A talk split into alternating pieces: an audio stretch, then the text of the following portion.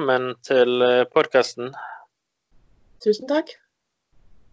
Ja, eh, du kan begynne å si litt om hva boken handler om.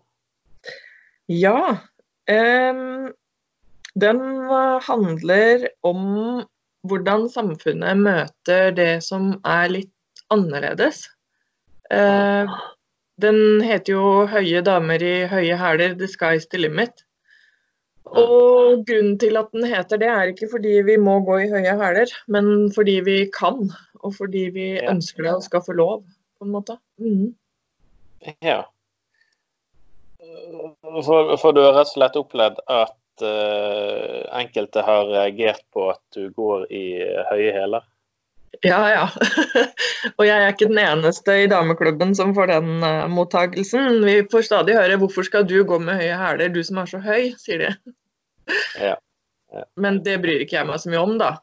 Uh, som jeg har sagt uh, tidligere, så, så lenge vakre mennesker sminker seg, går jeg med høye hæler, pleier jeg å tulle med. Ja, sant. Ja. Um, så hva, hva, var det som inspirerte deg til å skrive boken? Nå har jo jeg hatt denne dameklubben siden 2012. Og jeg ser de samme spørsmålene og de samme historiene gjentar seg uh, hele tiden. Og spesielt hver gang vi har vært i media og det kommer nye medlemmer inn, så ser jeg det behovet av å, at de ikke er alene. Eh, den følelsen av å høre til et sted og at vi har jo mye felles i at vi blir møtt på samme måte, da. ikke sant? Vi er jo utenfor gjennomsnittet eh, ganske mye, de fleste av oss. Sånn at uh, vi har veldig mye felles bare ved å være høye. Ja. Og så får jeg veldig mye henvendelser fra foreldre um, som kanskje er gjennomsnittlige eller lavere, og holder da på å få De ser at barna blir veldig høye. Uh, og de er veldig usikre. De spør om masse rundt det å stoppe veksten. De spør hvor får man klær. For det jeg hører mest, det er jo den frykten for hverdagen. da. At hverdagen skal være vanskelig når du er høy. Og det er den ikke. Men det er jo en kunnskap som de ikke har, og som jeg får veldig mye Det er sånn jevn flyt hele året at jeg får fra gjennomsnittlige foreldre som får høye barn. De henvender seg ofte til meg. Ja. Ja. for det er vel mange som forestiller seg at livet gjerne er enklere hvis du hadde vært litt uh, høyere? Ja, eh, men så er det det briste Altså den derre grensen da, for når det kan bli en utfordring med tanke på klær, f.eks. Ja, ja. Uh, jeg har jo forholdsvis små føtter til å være så høy. Jeg har bare 41, og jeg kan få sko hvor som helst. Ja, ok. Ja. Det vitner samlingen min om. Ja. Så jeg har ja, 130 her. ja, stemmer. Og det, det er ikke vanlige sko, holdt jeg på å si. Det, Nei. For det meste litt høyhælte. Ja, de fleste er det. Eh, nå er jeg litt uheldig, da. Jeg er en kløne. Så faktisk akkurat nå så går jeg også på krykker, for jeg har forstua foten ute i skogen. Men oh, ja. Så jeg har måttet selge noen av de uh, høye som jeg bruker minst. Men jeg har ganske mange igjen, altså. Så jeg elsker høye hæler. Du, du, får en helt annen holdning når man går med høye hæler. Og det er jo Jeg går jo ikke med høye hæler Nå hører jeg det er litt sånn ekko. Ja. Jeg går jo ikke med høye hæler for å liksom Ja, hva skal man si? for å være trassen. Jeg går med det, for det gir meg god selvfølelse. Ja. ja. Har du gjort deg altså, noen refleksjoner av hvorfor du eh, er så opptatt av, av eh, sko? jeg er miljøskada, kan man si. Jeg har en mamma og søstre som er lidenskapelig opptatt av sko. Så vi, vi Ja. Vi, jeg har vokst opp med det. Eh, mamma var 1,79. Hun er født i 43. Eh, så det å være så høy som hun var, og ta på seg høye hæler, var jo et veldig deilig forbilde for meg. Så jeg begynte jo med høye hæler når jeg var 15. Ja. Fordi det var aldri noe tema at hun var høy. Hun var bare seg selv og tok på seg de skoene hun ville fordi de var fine. Og det er jo det jeg også gjør. Ja, ja. Men hvis man skal spørre litt om um, Hva syns klassevenninnene, altså de som gikk i klasse med deg når du begynte med dette i 15-årsalderen, de må jo ha tenkt litt uh, Altså ja. Jeg vet ikke hvor vanlig det er nå til dags til ungdommen. Vi er jo av den eldre generasjonen, altså hvordan klesstilen er. Men man opplever jo til stadig at alle ønsker å pynte seg når de går på skolen. Spesielt når de når en viss alder. Ja, jeg var nok Jeg gikk ikke så mye med høye hæler på skolen. Eh, det har nok med at jeg hadde det ikke bra på skolen. Eh, jeg blei jo mobba, sånn at man Jeg tror nok jeg hadde en sånn under bevisst handling ved det at jeg tok ikke på noe som gjorde at jeg skilte meg mye ut på skolen, for de hadde nok våpen i utgangspunktet. Men jeg tror ikke jeg bevisst Mm. ikke tok på meg høye hæler. Det tror jeg ikke. Og det kan godt hende jeg gjorde, altså, gikk med det også, det husker jeg ikke. Men jeg husker at jeg gikk på fritiden, på butikken, altså når jeg var med venner, så brukte jeg høye hæler. Mm, mm. Men ikke hele tiden, for det, det Ja, for det er jo en, et minus som mange jenter klarer over, det er at de ikke klarer det på en helt dagsbasis. Altså, hvis de har vært på fest, så ser du ofte det at eh, de forsvinner etter et par timer, for å si det sånn. Ja, eh, det gjør det ikke hos meg da. Hvis jeg først har tatt de på, så går jeg med de. Men det er veldig stor kvalitet på sko. Å ta på seg høye hæler, det har Altså, hvordan er hælen? Er den uh, kilehæl? Er det tjukk? Er den tynn? Er det stilett? Ikke sant? Altså, går du med kjempehøye stiletthæler, da hæler du det ikke lenge. For det vil gjøre vondt til slutt. Ja. Mm, mm. Så Jeg, jeg, jeg, kjenner noen som eh, tar med seg ekstra eh, par sko for å bytte på fest. Jeg tipser faktisk damene som kommer på første treffet, aldri har gått med høye hæler før. Eh, nå er det aldri hæltvang på treff, men veldig mange har jo da lyst til å øve seg, fordi da føler de seg jo ikke annerledes, ikke sant? Fordi alle andre er jo høye der. Uh, og så sier jeg alltid ta med et reservepar. Ta med et uh, ballerinapar i veska di, sånn at du vet at du vil ha det bra med føttene dine. Men jeg har masse hæler som ikke er vonde å gå med, altså, som man kan gå med hele, hele dagen. Ja, for det er stor variasjon på det, altså på hvor man skal gå i forhold til, til kjøp og sånne ting. Ja, altså du, du Faktisk når det gjelder sko, så får du kvalitet når du betaler litt mer. Eh, jeg har jo hatt en del de billige skoene også, og de, det er bare vondt. de har litt feil proporsjoner, ikke sant. Du får belastningen feil under tærne og ja. Og så kjøper jeg sånne silikonpads som du kan ha under tærne, så ikke trykket blir så hardt. Mm, mm. Er Virker som du har, du har peiling, for å si det sånn. Ja. Jeg har, har hatt nok vannblemmer og vonde føtter til at jeg har måttet gjøre litt research.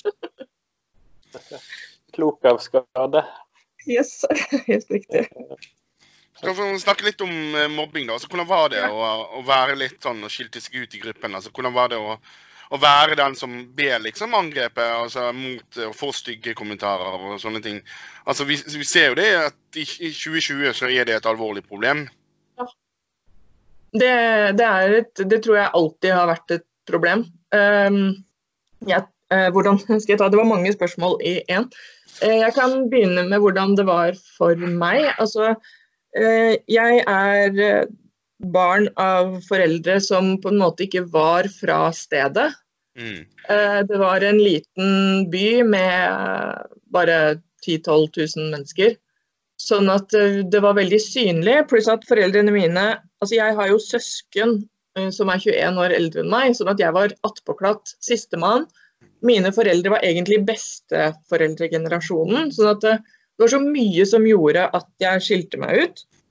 Så skal jeg Mm. ikke legge skjul på at jeg er nok ikke en mainstream person.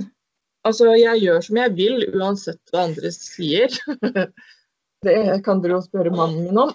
Han, altså jeg så, så, Helt fra barnehagen så blei jeg stengt ute.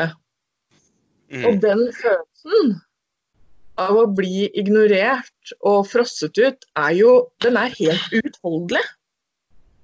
Det er helt forferdelig for et lite barn. Ikke vet du hva du gjør feil. Ikke knekker du kanskje koden til de som da vokste opp sammen, foreldrene snakker samme sosiale språk, kan du si. Mm, mm. var veldig utenfor. og er litt, eh, Men heldigvis, da, i barnehagen så hadde jeg gode barnehagetanter. sånn at det- jeg har fortsatt en dag i dag veldig god relasjon til de som gjerne er 20-30 år eldre enn meg. da. Mm, mm. Fordi jeg, jeg har lært meg til å ikke kunne stole på de som er på min egen alder. Fordi plutselig vender de meg ryggen. Eh, og så på barneskolen, da eskalerte det jo helt ekstremt. Da blei det veldig fysisk. Eh, Latterliggjøring høyt foran mange, og blei jo banka opp. Og du visste aldri hva som sto rundt hjørnet på veien hjem fra skolen. Mm. Og jeg, faktisk akkurat det med mobbinga, da, det trigger ting eh, for andre også som gikk i klassen min. Så jeg har jo bare i går, etter dette blei eh, lagt ut, eh, fått henvendelser eh, fra flere som har problemer med den læreren jeg hadde. Mm, mm. Hun var grusom, slem og ondskapsfull. Eh, F.eks. med meg, så jeg hadde blitt skikkelig banka opp. De slo meg med sånne eh, langhåra hansker som de hadde istapper på, vet du. Sånn som det blir når det er sånn vått og kaldt. Ja. Mm. Da holdt, holdt to stykker, og så slo de andre meg i ansiktet. Uh, og så bryter jeg ut, løper hjem, og selvfølgelig så skjønner jo mamma og pappa at noe har skjedd, så de tar kontakt med skolen. Mm. Og når jeg da kommer på skolen dagen etter, så tar læreren min meg ut på gangen sammen med hun som ledet denne mobbegjengen. Og så sier hun, nå skal ikke jeg nevne navn, men så sier læreren hun mente det ikke, Anne Marie. Hun beskyttet mobberen, og jeg fikk ingenting oppfølging etter det. Og Hvordan føltes det Altså, hvordan føltes det å stå der som et offer i den situasjonen, samtidig som man blir skyldt for at det er gjerne din egen feil, sånn sett med at hun sier at hun mente det ikke. altså Det var bare en spøk. Mm. Det var liksom uh, latterliggjøre det litt. Grann. altså Sette litt, ikke på, på spissen, sånn sett, men at man får en veldig asymmetrisk følelse på at uh, OK, nå står jeg her i denne situasjonen, men faktisk, det var hun som var slem med meg, det var ikke jeg som var slem med hun. Mm. Det ble jo en sånn maktesløshet uh, rundt det. Uh, og jeg har jo jobbet mye som voksen for å lære meg til å stole på mennesker igjen. Mm. Eh, det, jeg, har jo, jeg er jo ekstremt selvstendig. Du, du får ikke, altså jeg ringer ikke noen og spør om råd. Mm. Det, er ikke, det gjør jeg ikke, for jeg har bare blitt lært opp til på en måte at dette må du fikse sjøl. Fordi hvis du rekker ut en hånd, da, så er det ingen som tar den. Mm, mm. Men eh, jeg er bedre nå. uh, selvfølgelig. Det er, jeg er jo nærmer meg jo 40, liksom. Herre min hatt, det er grusomt å si. Men uh, jeg har jo brukt mye tid i, i psykiatrien da, for å bli frisk, for å si det sånn. Det har tatt, tatt store spor i meg. Mm.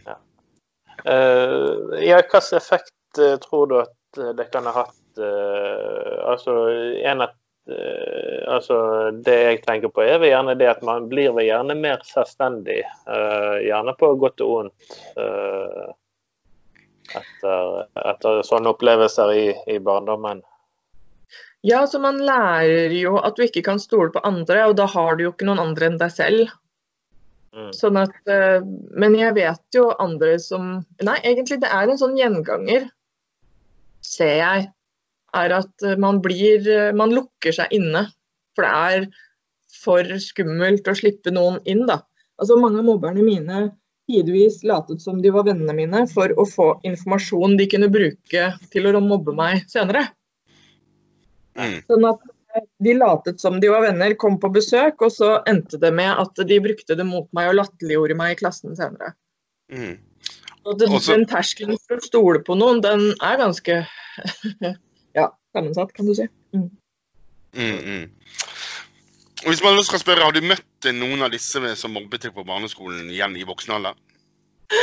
Å, herre min hatt. Ja, vet du hva. Det var, åh, det var en helt sprø opplevelse. Jeg har jo flytta fra hjembyen min. Det gjorde jeg jo så fort jeg fikk sjansen. Mm. eh, og nå er jo pappaen min er død, og mamma er på sykehjem her hvor jeg bor, sånn at eh, jeg har ikke noen grunn til å reise tilbake dit. Mm, mm. Men for noen år siden så gikk gikk jeg eh, på Kampen i Oslo, der hvor jeg bodde da. Mm. Og så ser jeg en av de stå på bussholdeplassen.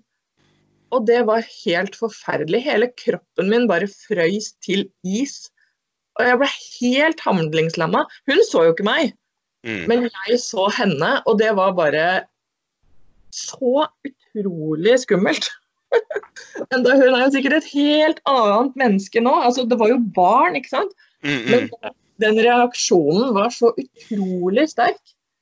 Men det var jo som sagt når jeg holdt på å liksom få hva skal man si, følelsene på plass da ved hjelp av eh, behandling.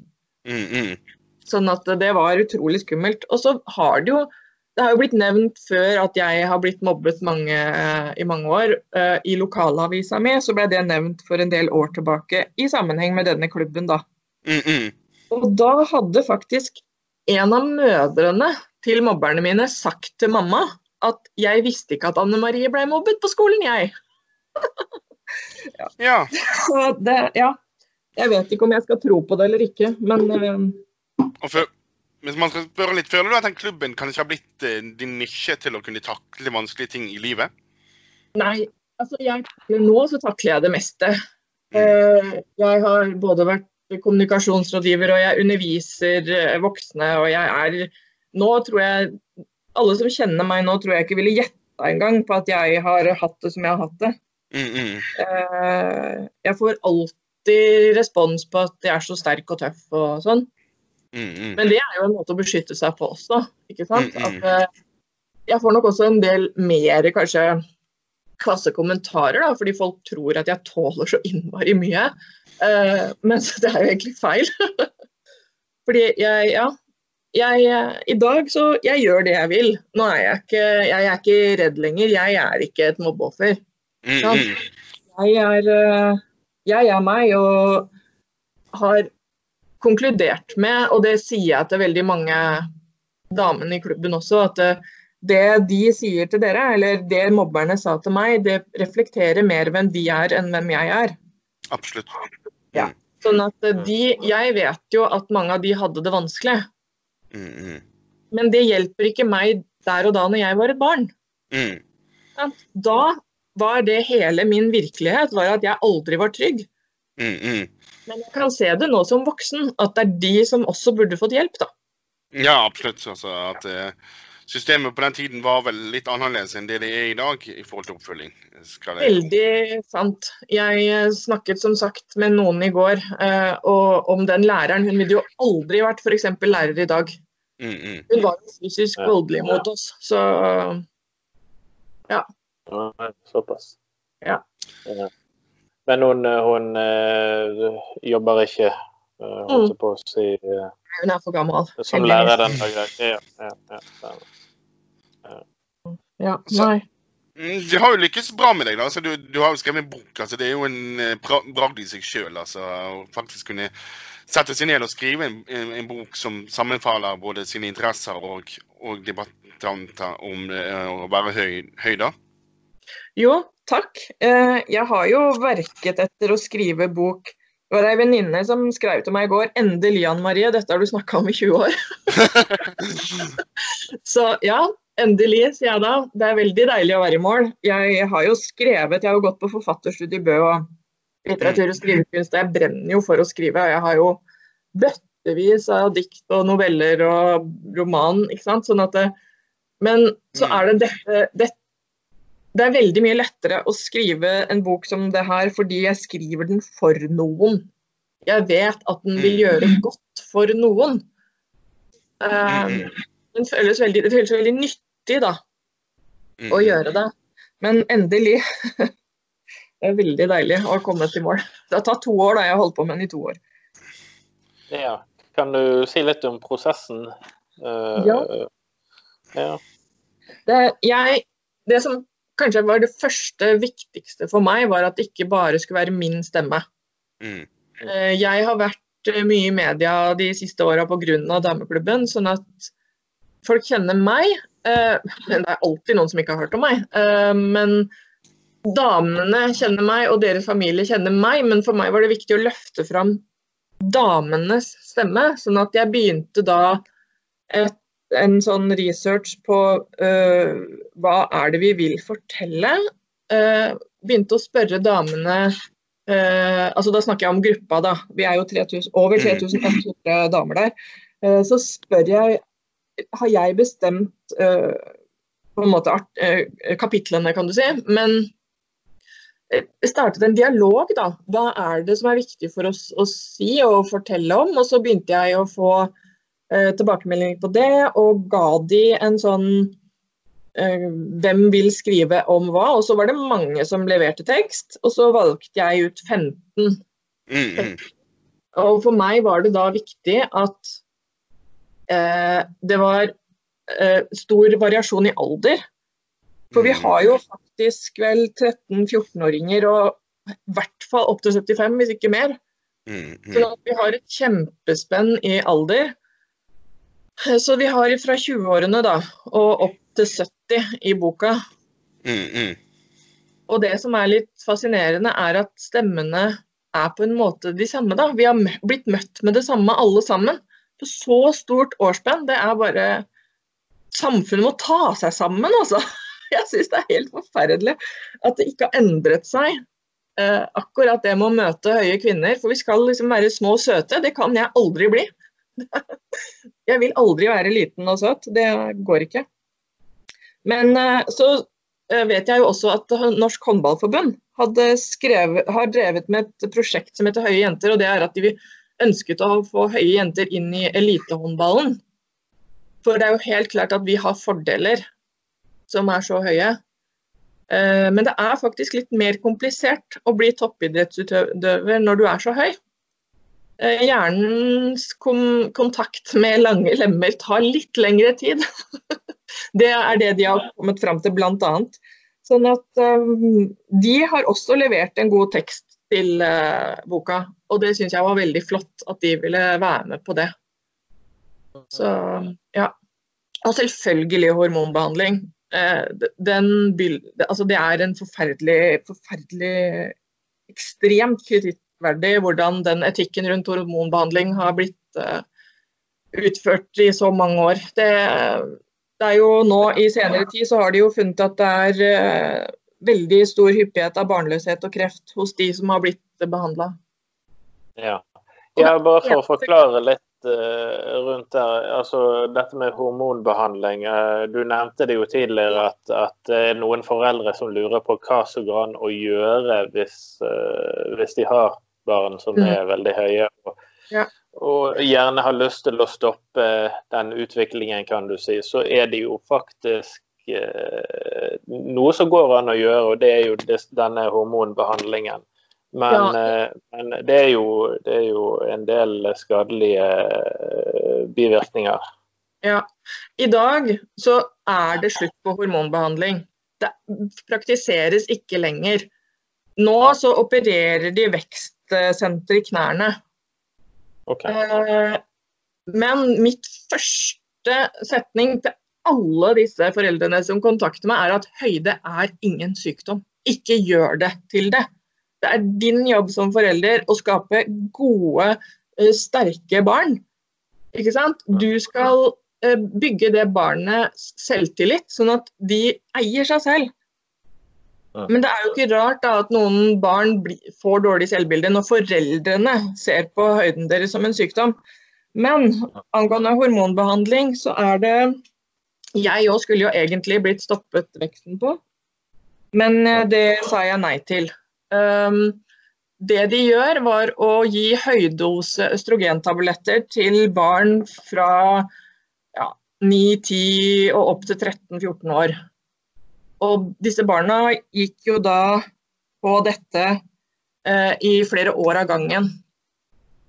Så det er jo ikke rart at hormonene i kroppen har gått amok. Eh, jeg er jo ingen forsker, men det fins forskning på dette. At det er eh, hyppigere med barnløshet og kreft hos de som har uh, tatt disse som barn. Ja, og så er det snakk om sterilitet, uh, rett og slett? Ja, ufrivillig barnløshet, rett og slett. Ja, ja, ja. Mm. ja nei, det er klart at det, det er altså det er jo ikke bra å, å rote med hormonene i kroppen, og spesielt ikke for barn uh, før puberteten. Sant? Det er jo spesielt uh, farlig å tukle med. Fremskynde pubertet, da, ikke sant. Det er jo det, derfor de får det. Uh, en ting som Det er jo mange som tror at disse barna har blitt behandlet fordi foreldrene har tatt kontakt med en lege. Det er faktisk feil. Eh, jeg vet om mange som har blitt nesten pålagte av fastlege og helsesøster. Sånn at eh, selv om de har klart å si nei, så er det vært noe i helsevesenet som er litt uh, grumsete, syns jeg. Og de har gjort høyden til en sykdom som virkelig det ikke er. Og det er uh, veldig mange som um, ikke vet om bivirkningene og sitter nå uten barn, og så kommer det en samtale kanskje i dameklubben, og så får de sjokk. Og er det derfor jeg ikke får barn? Fordi de har fått denne hormonbehandlingen. Ja, ja. ja altså det, det, det, Ja. Jeg vet om uh, også de som har kjempet mot helsesøstrene i årevis fordi helsesøsteren har vært helt besatt på at ungen må behandles for høyden sin. Altså, grunnen til at de driver med hormonbehandling Noen har kanskje en estimert slutthøyde som kan være ugunstig, da.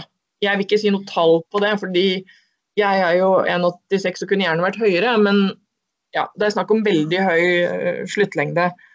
Um, hovedgrunnen til at uh, hormonbehandling har vært, er jo for at vi skal homogenisere kroppene våre. Det er jo for at vi skal være gjennomsnittlig. Det er kun mm. estetisk. Og det er helt forferdelig å tenke på. At uh, vi skal presses inn og ødelegge kropper og ødelegge livene til barn bare fordi at de vil skille seg ut. Det er bare mm. mm. Ja. Uh, det er rett og slett et inntrykk av at uh, man, lyst, uh, man, har lyst til å skape en normalitet, rett og slett. Ja. ja. ja. Det står det jo fordi de ønsker å slutte, nei, stoppe lengden til høye, dam, høye jenter. Da. For én, det kan være vanskelig å få seg partner. Tull. Jeg har aldri hatt problemer med å få meg noen partner. Jeg har hatt både høye og lave kjærester. Det er ikke noe problem. To er for at vi skal få oss pene klær og sko. Dette står i Dagens Medisin, altså. Fra 2000. Mm. Det er helt ja. Eh, hvem er det som skrev det, holdt jeg på å si? Det, ja, det er omtale om en sånn uh, En av de behandlerne, jeg husker ikke hva han heter. Uh, men dette står i boka! Ja. Så han må kjøpe boka, så får ja. han disse svarene. Du må jo skjønne Kristian, at hun vil ikke avsløre alt. vet du. Hun vil at folk skal kjøpe boken òg. Ja, det er klart. Jeg har, husker veldig dårlig navn, da, bare så det er sagt. Mm. Ja, ja. Og Hvis vi skal snakke litt, eh, Når er det denne boken kommer for lansering? Altså, vi skal ha, altså, Nå er vi jo i en veldig spesiell tid. Mm. Eh, så noe arrangement Vi skulle hatt et stort arrangement på Deichman Lambertseter. Mm. Uh, vi skulle hatt stor fest, og vi skulle hatt uh, lansering, og vi skulle hatt klestreff, og vi skulle hatt alt 9. mai. Mm, mm. Det blir ikke noe av, naturlig nok. Så vi, det vi gjør, er at det blir en digital lansering søndag 10. mai klokka 19 på Facebook og YouTube. Men ja. Sånn at eh, det, det, blir Ja, vi har vært og filma damer som har lest fra tekstene sine på Deichman uh, Lambertseter. De ønsket at vi skulle komme dit, siden vi egentlig skulle vært der. Mm, mm. Da sto vi med god avstand og hadde mobilen på stativ, så det gikk. Så det blir veldig fint. Da får man se også litt ansiktene bak disse historiene. Mm. Og det er jo en del bilder i boka som i seg selv er spennende. Det må jeg jo si. Ja. Hvis vi skal snakke litt sånn mot slutten her, eh, mot den eh, klubben som du driver. altså Hvor mye ja. krever det egentlig av tidsbruk? Altså, vi, altså, Hva slags type klubb er det? Er det, er det, Er det sånn at de som er medlemmer, hvordan fungerer den biten der? Jeg ser jo dere har en, eh, en gruppe på Facebook blant annet, og en hjemmeside. Hvor, hvordan har du satt det opp, og hvordan vil du at klubben skal altså, Skal det være sosial plattform? Hvordan er det de treffes, liksom? Ja. Det er jo to nivåer vi treffes på. Det ene er jo fysisk. Vi har treff. Eh, Jeg har treff fra Nå er ting veldig annerledes, men jeg har treff alt fra kanskje én til fem ganger i året. Jeg har ikke noe styre. Dette gjør jeg Alt jeg gjør er gratis. Jeg, det er ikke noe medlemskontingent, det er ingenting. Jeg har til tider jobba døgnet rundt eh, med det. Jeg, det er veldig givende. Jeg får veldig mye tilbakemeldinger og takk og brev i posten. Og det er mange som har som regner livet før og etter klubben. Mm. Eh, Så er det i tillegg eh, på Facebook så er det jo en lukket gruppe hvor jeg siler alle medlemmene. Som dere da skjønner, så har jeg sett på en del Facebook-profiler. Mm, mm.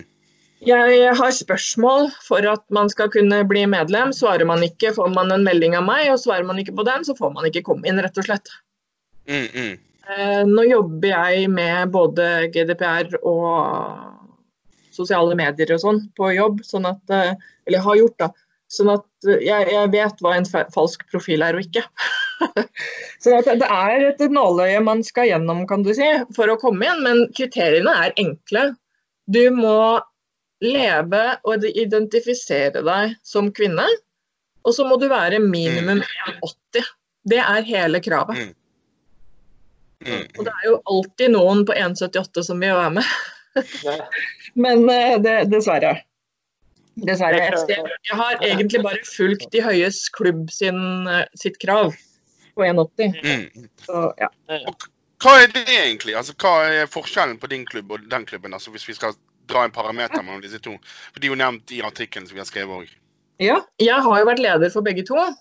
Um, eller leder Altså, vi pleier å tulle med da. Høye damer og høye hæler, der er jeg en rettferdig diktator.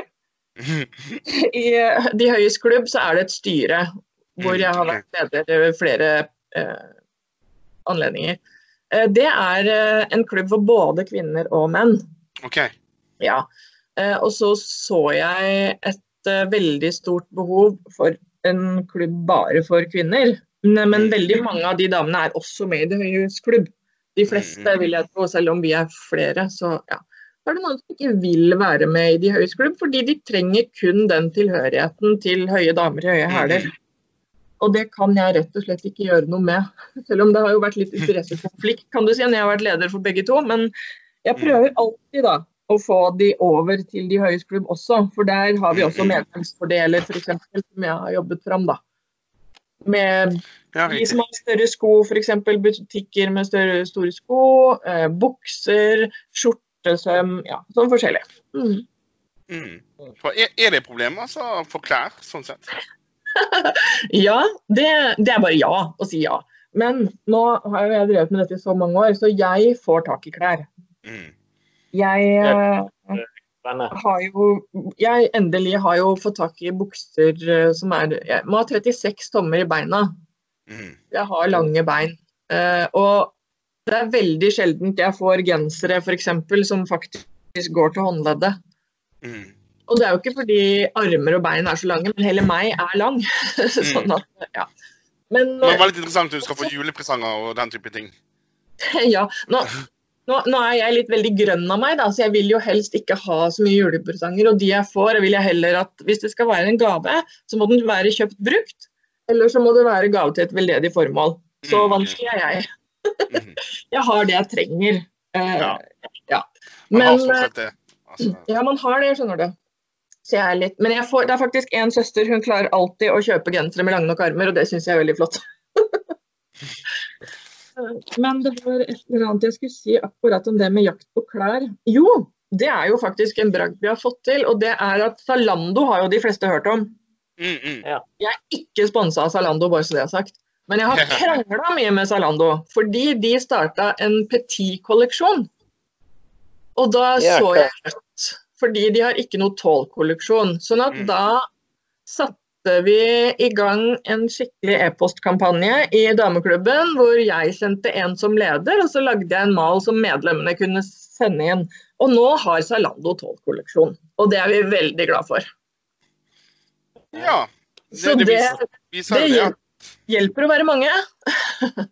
Nettopp. Det er akkurat det. Man viser at det er eh, viktig å stå på og være standhaftig i, i sine krav. Og fremme godt miljø. Uh, det skal det sies at det finnes faktisk ikke én eneste fysisk butikk for høye damer i Norge. interessant. Det lengter vi etter, altså. Ja, det er kanskje noe som burde tas opp på et eh, politisk plan, for hvorfor ikke man har den type ordning. Man har jo spesialbutikker for alt mulig annet, egentlig. Ja, Det er nettopp det. Så vi, vi drømmer jo om det. En butikk for høye damer. Ja. Jo, i Sverige f.eks. Og i Ja, Danmark og overalt andre steder, men ikke i Norge. Det, det er jo veldig spesielt at Norge ikke har valgt å følge Danmark og Sverige. Vi ser jo det at eh, det er en parameter Norge gjør ofte, å å ta etter de andre nordiske landene. Ja, altså i Danmark Det er Danmark, Nederland og Norge, tror jeg, som topper høydemålingene på Mm. gjennomsnitt. Sånn at vi er jo mange. Og, og når, når vi snakker om høyde, altså hvordan er det å, å måtte skulle fly, f.eks., eller den type ting. Togreise, det må jo være forferdelig liksom, å få en køye som er beregnet for en normal person. Ja, eh, eh, ja, det er akkurat det er litt morsomt. For alle sånne flyreiser så har jeg sånn fint rutenett på knærne når vi er ferdig framme. Sånn at eh, det blir jo at vi prioriterer Altså når flyet er mindre, jeg tar heller tog, der kan du bevege deg, og der er det Mm, mm, Prøver alltid å ta den plassen som det er sånn fire mot hverandre, ikke sant. mm. Eh, og det fungerer ganske bra. Eh, fly er det Det er blitt en sånn begrense på Jeg orker ikke så mye mer enn fire timer. Det, det er ganske tungt. Jeg, har, jeg er veldig lang fra på en måte hofter til knær. Mm, mm. Akkurat det man ikke skal være når man tar fly. Det, det, det er litt det. Man, sitter liksom som i en firkantboks som man passer inn for å liksom kunne ha det komfortabelt under flyreise. Ja. Ja. Så ja. Nei da. Men tar, altså, det er jo noen busser også som er ganske krevende. Ja da. Det, sånne lokalbusser som det er eh, Men jeg tror, jeg tror ikke jeg tenker så mye over det. fordi jeg har jo vært så Altså, jeg var 1,83 som tolvåring. mm, Så mm. Det er blitt en vane å se etter bestemte seter. Er ikke de ledige, så står jeg. Mm, mm. Det er ikke mer komplisert. Jeg orker ikke å presse meg ned. eh, Det er så vondt for knær og alt, så det orker jeg ikke. Nei, og denne, den klubben, har det skapt mye altså, oppmerksomhet fra andre? Sånn, eh, man får jo gjerne som jente og dame mange blikk fra menn når man er ute og går. I hvert fall sprader på en sånn måte at man eh, kan så si, viser seg litt frem, da, hvis man skal snakke fra det mannlige språket. Og Hvordan oppleves det at man har de der blikkøynene som følger, følger etter, liksom? Altså Det jeg ofte kjenner på, er at jeg trenger ikke å sprade eller vise meg frem, for jeg synes uansett Mm, mm. Av og til så kan det være ganske slitsomt, da. Fordi jeg har jo ikke valgt å være så høy. Så at Mm, mm. jeg får, og det har jo vært helt siden jeg var tolv år, så har jeg fått veldig mye oppmerksomhet for kroppen. Mm, mm. Eh, lange bein, altså jeg syklet jo, og de var jo muskuløse, og jeg, jeg var jo veldig trent, sånn at eh, jeg fikk veldig mye oppmerksomhet. Nå har jeg bikka den alderen at jeg ikke får like mye, men jeg får jo fortsatt. Og til tider er det veldig ubehagelig. Jeg har hatt eh, ubehagelige opplevelser eh, både midt på høylys dag og på T-baner og masse greier, og det vet jeg andre damer også har. Okay. Ja, kan du fortelle litt mer om, om den, altså hvordan det oppleves, og hva slags type opplevelser, altså hva slags karakter snakker vi? Er det sånn pass at, eh, at det Ja, føles virkelig ubehagelig? Ja, det var en, en av gangene så satt jeg på en T-bane. Det var eh, søndags formiddag, så det var veldig lite mennesker på T-banen. Mm. Så kommer det en mann og setter seg over, for ovenfor meg. Da. Jeg satt jo selvfølgelig på en sånn firer. Mm. Eh, og han begynner jo å beføle seg og får tydelig ereksjon. Og det Altså, jeg som egentlig er så tøff, da, som mange tror, så jeg frøys helt. Jeg blei så redd. Det var så ubehagelig. Mm. Uh, og det er jo sånn jeg gjerne vil slippe å oppleve. Mm. Ehm, Og så er det Jeg har gått f.eks. på busstasjonen i Oslo, skulle hente mamma. Det er jo noen år siden nå. Hadde helt vanlige sandaler, helt vanlige shorts som nesten gikk ned til kneet. Mm. Hadde på meg en bluse og en cardigan, så jeg var ikke utfordrende kledd i det hele tatt. Mm. Og da kommer det plutselig en mann bak meg og hvisker inn i øret mitt 'Å, du har så deilig pornorump, og du har så deilig pornobein'. Og det er ubehagelig. Ja, Det altså, er ubehagelig når noen bryter mm. gymsone og snakker til deg på en måte som om de eier deg, på en måte. Ja, altså det må være en forferdelig følelse å, å stå i den situasjonen i det offentlige rom og ha, ha en person som sier noe sånt. Og, og, så jeg har, jo, jeg har jo hatt stalkere før. Og om det er pga. at jeg er høy, det vet jeg ikke. Men uh, jeg har jo hatt en del Jeg husker når jeg var yngre, da var jeg vel 16-17 år. Da måtte pappa ut og jage vekk igjen, som hele tiden fulgte etter meg. Mm, okay. Så um, ja. Men jeg vet at det er fascinerende for mange. Uh, og jeg tar gjerne et kompliment. Mm, Ikke sant? mm. Det er ikke et kompliment å gjøre det som jeg akkurat fortalte. Det er ikke et Mm. kompliment, det er et overtråkk. Ja, til de grader. Altså, det er jo et skille mellom å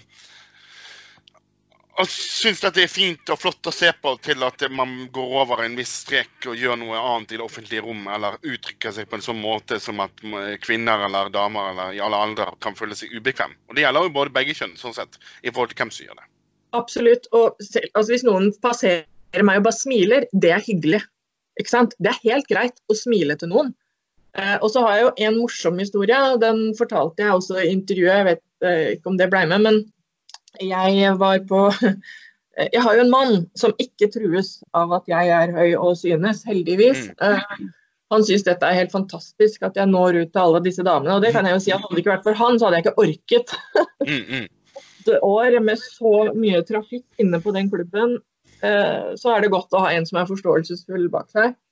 Men vi var, på bryllups, vi var på bryllupsreise, og så går vi ut av en restaurant, og så kommer det en mann gående. Jeg ser ikke dette. Jeg er litt sånn distré og får ikke med meg så mye. Og så er jeg så vant til mye av denne oppmerksomheten, sånn at jeg, jeg legger ikke merke til det på samme måte som før. Men mannen min så denne fyren da, som kommer gående, og han liksom låser blikket på beina mine. Og så bare fortsetter han å gå. Og han glemmer jo helt å se hvor han går, så det ender jo med at han ligger langflat på fortauet. Han tryner jo så det synger. Men det er morsomt, ikke sant? Han trådte ikke opp noe for min skyld da. Det var jo han som dreit seg ut, så dette er jo en historie vi ler mye av. Mm, mm. Men- Det er litt sånne også. Så for eksempel hvis det, jeg har vært på et utested, eh, så kommer det en mann bort og spør hvor lange bein jeg har, mens du ser kjæresten står piss forbanna ved baren. og, og jeg syns det er litt slitsomt at hun, ikke får den oppmerksomheten sjøl, på en måte. Så det er jo sånne morsomme historier. Jeg får ofte spørsmål hvor lange bein har du. Mm.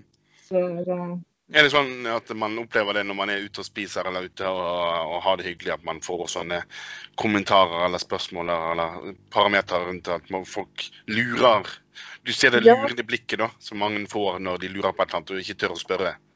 Ja, altså ofte nå, nå er jeg litt sånn hjemmekjær person, uh, så jeg er, er ikke så mye ute lenger. Men jeg merker det hvis jeg er på, på spiser på restaurant, eller f.eks. hvis jeg er ute og reiser, så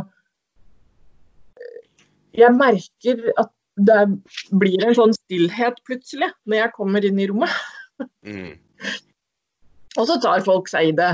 Eh, Og så er det, hvis det er alkohol, hvis noen drikker alkohol, så er jo terskelen lavere for å henvende seg. Mm. Men det er erfaring er at det er stort sett fascinasjon. Det er ikke så mye negativitet som Mm. kanskje noen opplever det som, da. Men Mm. Jeg må si én ting. Det er mange damer i dameklubben som elsker å være høye. Jeg er ikke alene, bare så det er sagt. Vi er mange som støtter de som syns det er vanskelig.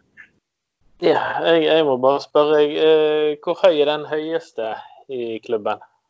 Det er jeg litt usikker på, eh, men jeg tror det er rundt 1,95. Kanskje høyere. Jeg- Det er litt vanskelig, fordi det klarer jeg ikke å huske alle 3100. Men det, det, er, over, det er rundt der, i hvert fall. Ja, ja. Så er det jo skostørrelse fra 38 til 47. Såpass.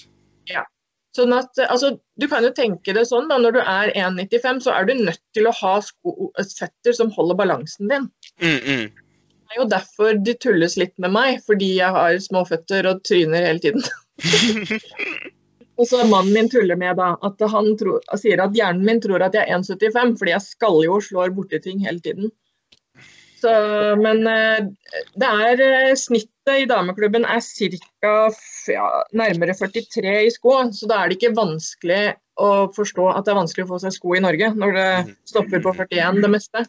Eller du kan få en sånne bestemorsko i 42, da. Men uh, det er noen få skobutikker som fører større, men det det er, det er for lite. Mm, mm. Mm. Og hva vil du si til, til, altså, til de kjedene, eller til, eh, til politikerne generelt, hvis man skal ta det opp på politisk nivå? Hva må til for at eh, det skal bli eh, likeverd? Eh, Det må til at det finnes i hvert fall én butikk for uh, høye kvinner.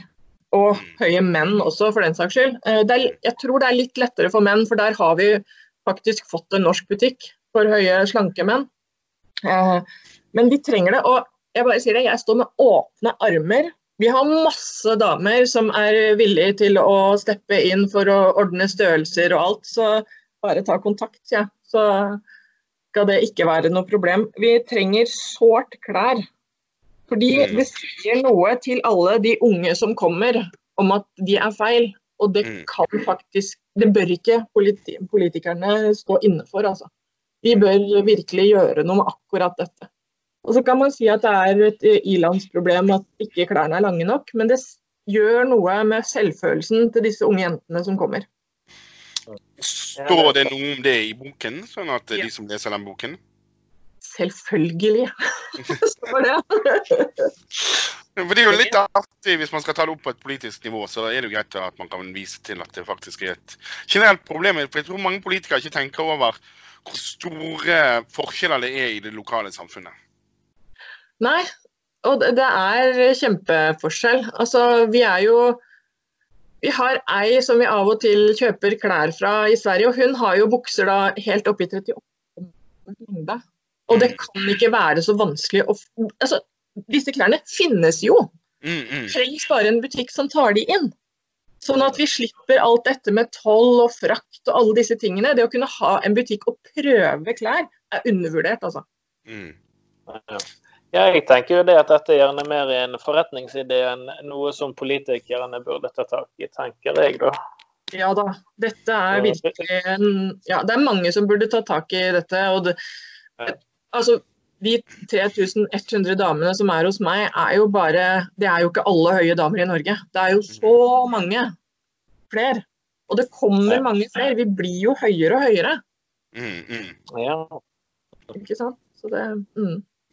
Og helt til slutt, eh, hvor i prissjiktet ligger boken din? Sånn at den, er den sånn at den alminnelige forbruker har eh, råd til å kjøpe den boken? Typ? Det har man. Den koster 298 kroner, så det går for de fleste. Mm. Ja. Og vil den være tilgjengelig i alle bokforhandlere, eller er det noen spesielle bokforhandlere man må se etter? Jeg ser faktisk at eh, det er en nettbutikk som allerede har begynt å forhåndsselge den. Eh, Så har jeg prøvd å få ut av forlaget i dag hvor den skal selges, for det husker jeg ikke. Det har vært litt mye de siste dagene, kan du se. Mm. Ja. Og vet du navnet på den nettbutikken for de som Jeg eventuelt er ønsker Haugen. Haugen Hva sa du? Bok. Haugenbok.no tror jeg det er som selger den. Og det er bare å google 'høye damer i høye hæler'-bok, så får du den opp. Kjempe. Kjempe. Yes, Da sier vi takk for at du ville være med. flott. Ja. Tusen takk for at jeg